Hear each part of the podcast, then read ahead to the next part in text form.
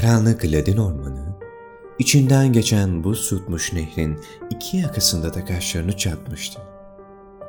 Az önce esen rüzgarın beyaz buzdan giysilerini solduğu ağaçlar, giderek azalan ışıkta kara ve uğursuz biçimde birbirlerine eğilmiş gibi görünüyorlardı.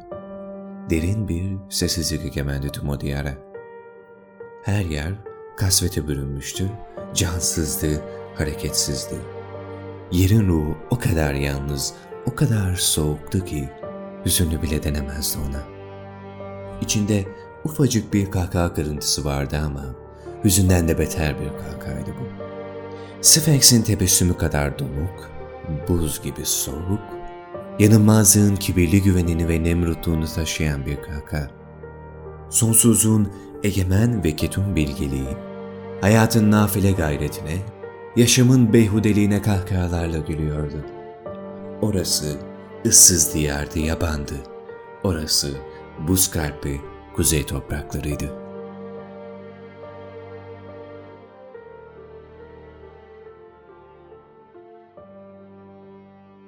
Yaşamın işleyişinin özünde nasıl bir mekanizma saklıdır? Yaşamı anlamlandırmak bu mekanizma ile ilişkili midir? Edebiyat tarihinde yaşam mücadelesini ele alan yazarlar arasında kendine özel yer ile Jack London'ın verebileceği cevap muhtemelen ilişkili olduğuna dair olurdu. Pek az yazar onun gibi yaşam mücadelesini eserlerinin ana teması yapmıştır. Vahşetin Çağrısı, Beyaz Diş, Martine'den Demir Ökçe ve diğerlerinden bahsediyorum.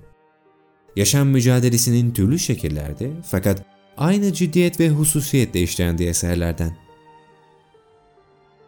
Az önce okuduğum pasaj, London'ın Beyaz Diş adlı eserindendi. Eser, dörtte bir köpek kanına sahip bir kurdun, kuzey topraklarında hayatının ilk anından itibaren içinde bulunduğu yaşam mücadelesini anlatır. Kitap boyunca romanın baş kahramanı ve aynı zamanda romana ismini veren Beyaz Diş'in yaşamının uzun bir kısmına tanık oluruz. Doğa ve bilhassa karşılaştığı ilk andan itibaren tanrısı olarak göreceği insan ile mücadelesi vardır Beyaz Diş'in yaşamında çoğunlukla. Mükemmel bir roman değil Beyaz Diş. Kaldı ki çok bariz kusurları var.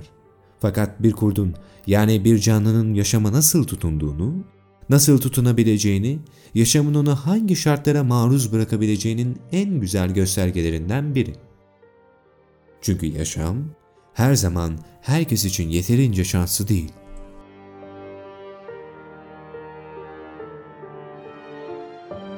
Çoğunlukla belgesellerde gördüğümüz ve meraklı gözlerle izlediğimiz yeni doğan yavrular, biz dışarıdan bakanların yani yabancıların baktığı gözleme ilk anlarını yaşar.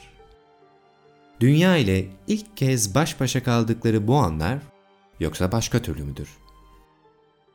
Tam burada, beyaz dişin doğumundan itibaren annesinin onu sakladığı mağaradan ilk dışarı çıkışını anlatan pasajdan alıntı yapmak istiyorum.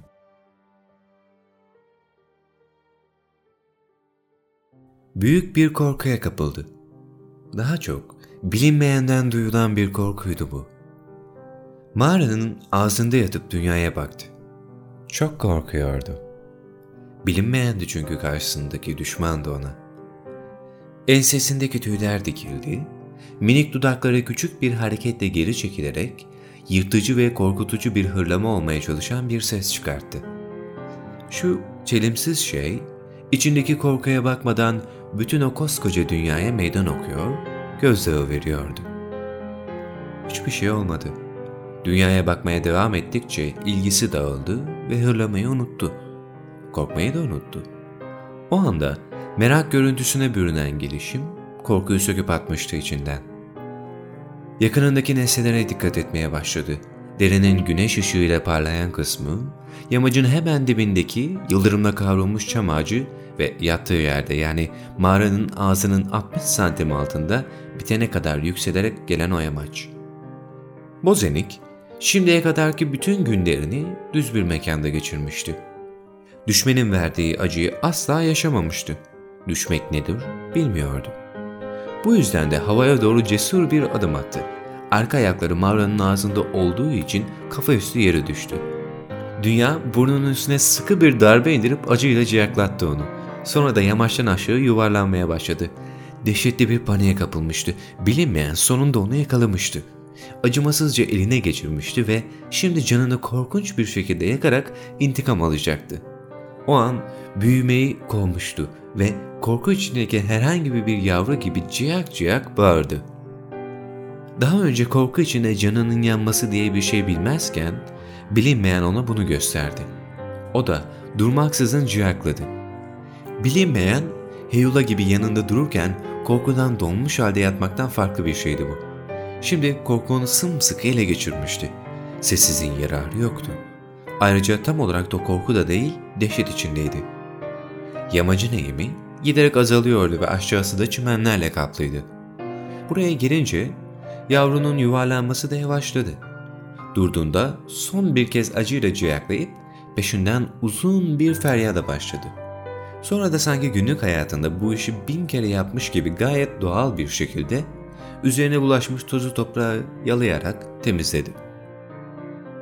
Ardından yere oturup Mars gezegenine ayak basacak olan ilk insan nasıl yapacaksa o da çevresine öyle baktı.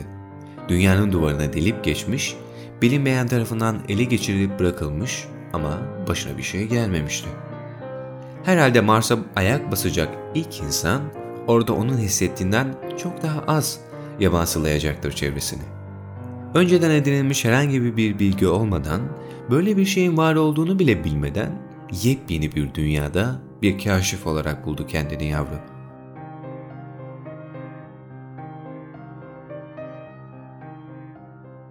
İlk defa duyuyor yahut küçük yaşlarda okumuş olmanız mümkün beyaz dişi.